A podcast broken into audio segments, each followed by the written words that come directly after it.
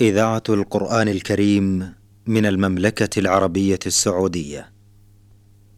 دروس في العقيدة الإسلامية.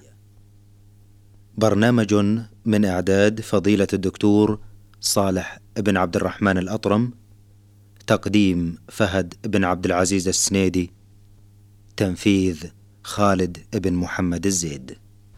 بسم الله الرحمن الرحيم الحمد لله رب العالمين وصلاة ربي وسلامه على أشرف الأنبياء والمرسلين نبينا محمد وعلى آله وصحبه أجمعين أيها المستمعون الكرام السلام عليكم ورحمة الله تعالى وبركاته أسعد الله أوقاتكم بكل خير وأهلا ومرحبا بكم إلى هذا اللقاء المبارك الذي يجمعنا مع فضيلة الشيخ صالح بن عبد الرحمن الأطرم عضو هيئة كبار العلماء في مطلع هذا اللقاء نرحب بكم يا شيخ صالح ونشكر لكم تفضلكم باللقاء في هذه الحلقة. حياكم الله وبارك الله في الجميع. حياكم الله. شيخ صالح في الحلقات الماضية تحدثنا عن نقطة مهمة ألا وهي صلة الأقوال والأعمال بهذا المعتقد وتحدثنا في حلقة أيضا ماضية عن الارتباط الوثيق بين الأقوال والأعمال والمعتقد. لكن هناك من يفرق من بعض الطوائف بين الأعمال والأقوال والاعتقاد. نود الحديث عن هذا التفريق أين نشأ ومن هم الذين يفرقون. تفضل شيخ. بسم الله الرحمن الرحيم. الحمد لله رب العالمين وصلى الله وسلم على نبينا محمد وعلى آله وصحبه أجمعين. مما لا شك فيه أن لفظة الإسلام جاءت في القرآن. نعم. ولفظة الإيمان جاءت في القرآن. فاشتغل أهل السنة والجماعة في توجيه هذه النصوص نعم. والجمع بينها حسب ما ظهر منها وحسب ما روي من الأحاديث ومن أقوال الصحابة لأن هذه الأمور السنة والجماعة لا يتكلمون بها بمجرد استنباط وإنما يتكلمون بها على حسب نصوص فيفسرون النصوص آه، بعضها ببعض فعندنا الأقوال والأعمال. آه، تقدم شيء من البحث عن صلتها واعتمادها على على المعتقد. وهذه عقيدة أهل السنة والجماعة بأن الإيمان اعتقاد في الجنان وقول في اللسان وعمل في الأركان. إذا فإذا جاء الإيمان مطلق في القرآن والسنة. شمل الجميع. بمعنى أن كل واحد منها الثلاثة أصل. هذا معنى شموله. نعم. بخلاف من يفرق بين الأقوال والأعمال والمعتقد. فيجعل المعتقد الأصل وإطلاق الإيمان على القول أو العمل هذا مجاز. وهناك وقد يكون أيضا هناك من يرى أن الأقوال كافية في الإيمان والأعمال لا يطلق عليها الإيمان. وهذا خلاف أهل السنة والجماعة. فمعنى يرجون الكلام في الأعمال وأنه كمتمم لا يعتمد على الإيمان ولا يدخل في مسمى الإيمان. ويطلق على أهل السنة والجماعة هؤلاء المرجئة. هناك أيضا من يعتقد بأن الإيمان مجرد اعتقاد وجود الله. فينفي صفاته وينفي أسماءه ولا يرى أن الإيمان يشمل الأعمال. وهذا بلا شك من المعتقدات التي حدثت بعد الرسول وبعد الصحابة ويقظ الله علماء أهل السنة والجماعة وأبطلوا هذه المقالات وبينوا الصحيح وفق ما جاء في الكتاب والسنة. نعم. فالحاصل أن التفريق بين الاعتقاد والأقوال والأعمال غير صحيح فمسمى الإيمان إذا جاء في القرآن مطلق شملها جميعا. كما قال تعالى يا أيها الذين آمنوا إن الذين آمنوا وعملوا الصالحات وإذا جاءت مجتمعة جاءت مجتمعة دلت على طلب الإيمان في القلب ودلت على طلب العمل الناشئ عن الإيمان فإذا جاء وصف الإيمان مطلق دخلت فيه نعم. الأقوال والأعمال هناك أيضا قد قد هناك من يفرق بين الإسلام والإيمان ويرى أنها جاءت في القرآن جاء في القرآن الإسلام وجاء في القرآن إيمان فعمد علماء أهل السنة والجماعة فقالوا إذا اجتمعت أطلق الإسلام على الأعمال الظاهرة لأنها هي هي التي تدل على الاستسلام.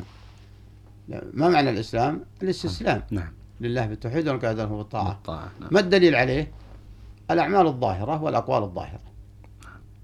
فإذا اتضح منه الانقياد للأعمال الظاهرة أصبح أنه مستسلم. فمعنى الإسلام مستسلم.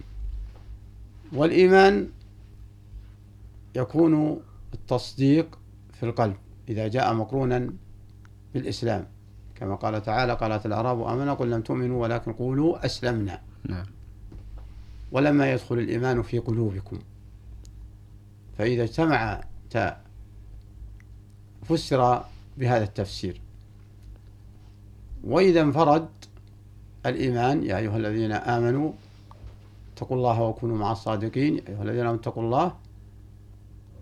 عني بذلك الإيمان في القلب والاستسلام والاستسلام في الظاهر. يعني يجمعهما إذا كان لفظ الإيمان فقط. نعم. نعم. لفظ الإيمان فقط يجمع يجمعنا. آه المعتقد والقول والعمل. والمعتقد والقول والعمل. ولهذا اشتهر أهل السنة اشتهر هذا التقسيم عند أهل السنة والجماعة وهو قولهم الإيمان قول باللسان واعتقاد بالجنان وعمل بالأركان. كله لطرد هذا التفريق. فأورد الإشكال. أنه قد يرد في القرآن لفظة الإسلام قد يرد لفظة الإيمان ففسروه بهذا التفسير الذي أشرت إليه نعم. من أن الإسلام في الأعمال الظاهرة والإيمان في آه، في المعتقد إذا اجتمع كقوله ولكن نعم. نعم شيخ كقوله تعالى يا أيها الذين آمنوا آمنوا. نعم. لعلها من هذا القبيل. آه هذا من يا أيها الذين آمنوا آمنوا. بمعنى استسلموا وانقادوا. نعم, نعم. آه أيضا الحديث حديث جبريل. اللي جاء يسأل حديث عمر بن الخطاب رضي الله عنه وأرضاه الذي تحدث عن سؤال جبريل للرسول عليه الصلاة والسلام. عليه الصلاة والسلام نعم. فهذا من أكبر الأدلة على وجود لفظة الإسلام نعم. أنها تطلق على الأعمال الظاهرة. لأن يعني سأله عن الإسلام فقال ان تشهد لا إله إلا الله وأن محمد رسول الله وتقيم الصلاة وتؤتي الزكاة وتصوم رمضان وتحج البيت. نعم. هذا استسلام. يعني انقياد مثل لو طرد طرد اللص الجندي أو صاحب أو صاحب أو من سرق منه فأرهقه قال استسلم. نعم. فهذا يستسلم لربه في هذه الأعمال الظاهرة. والإيمان سأل عن الإيمان فقال أن تؤمن بالله. وملائكته وكتبه ورسله واليوم الآخر وتؤمن بالقدر. وسمي الإيمان هنا الإيمان بمعنى أنه صدق في قلبه واعتقد ذلك واعتقد ذلك. علامة هذا التصديق أنه صحيح الاستسلام بالأعمال التي سبقت. ثم سأله ما الإحسان؟ فقال أن تعبد الله كأنك تراه فإن لم تكن تراه فإنه يراك. فمعنى الإحسان أخص من الإيمان وأخص من الإسلام لأنه جمع الجميع. فهو جاء بالأحسن في أعماله واعتقاده.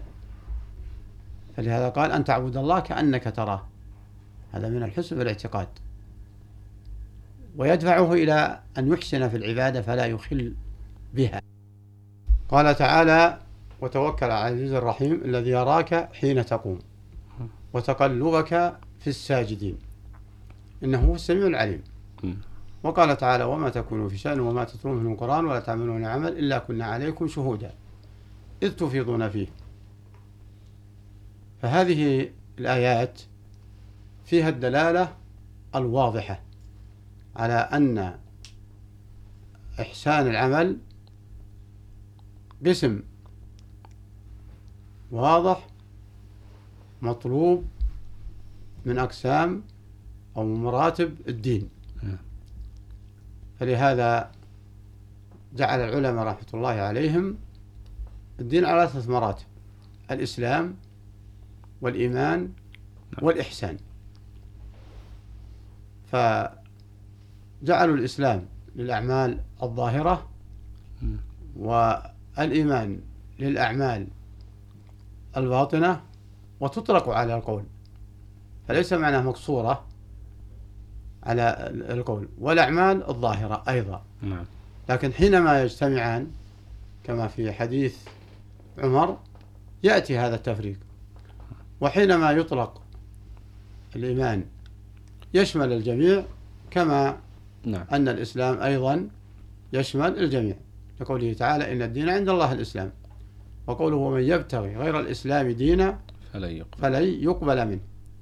فدل على أن المراد بالإسلام هنا هي الأعمال الظاهرة والأعمال الباطنة والأقوال والإحسان فيها. نعم. ومن أحسن دينا ممن أسلم وجهه لله وهو محسن. وهو محسن. محسن.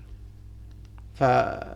فكل هذا الآيات تؤكد ارتباط العقيدة بالأقوال وتؤكد ارتباط العقيدة بالأعمال وأن هذه الثلاث متلازمات فلو انفك واحد منها عن الأخريين ما صح الإسلام. أحسنتم شيخ. أيضا كان بودنا أن يكون التفريق بين يعني أو الإشارة إلى من فرق بين الأعمال والأقوال والاعتقاد في هذه الحلقة لكن كأني بوقت البرنامج قد أزف على الانتهاء فنرجئها إلى حلقة قادمة بإذن الله. في الختام أتوجه لكم شيخ صالح بالشكر الجزيل بعد شكر الله تعالى على هذه الإفادة الطيبة وأتمنى أن تتاح فرصة في حلقة قادمة بإذن الله تعالى. أيها الإخوة المستمعون في الختام تقبلوا تحية زميلي من هندسة الصوت خالد منور حتى نلقاكم في حلقة قادمة بإذن الله. نستودعكم الله. والسلام عليكم ورحمة الله تعالى وبركاته. دروس في العقيدة الإسلامية. برنامج من إعداد فضيلة الدكتور صالح بن عبد الرحمن الأطرم تقديم فهد بن عبد العزيز السنيدي تنفيذ خالد بن محمد الزيد.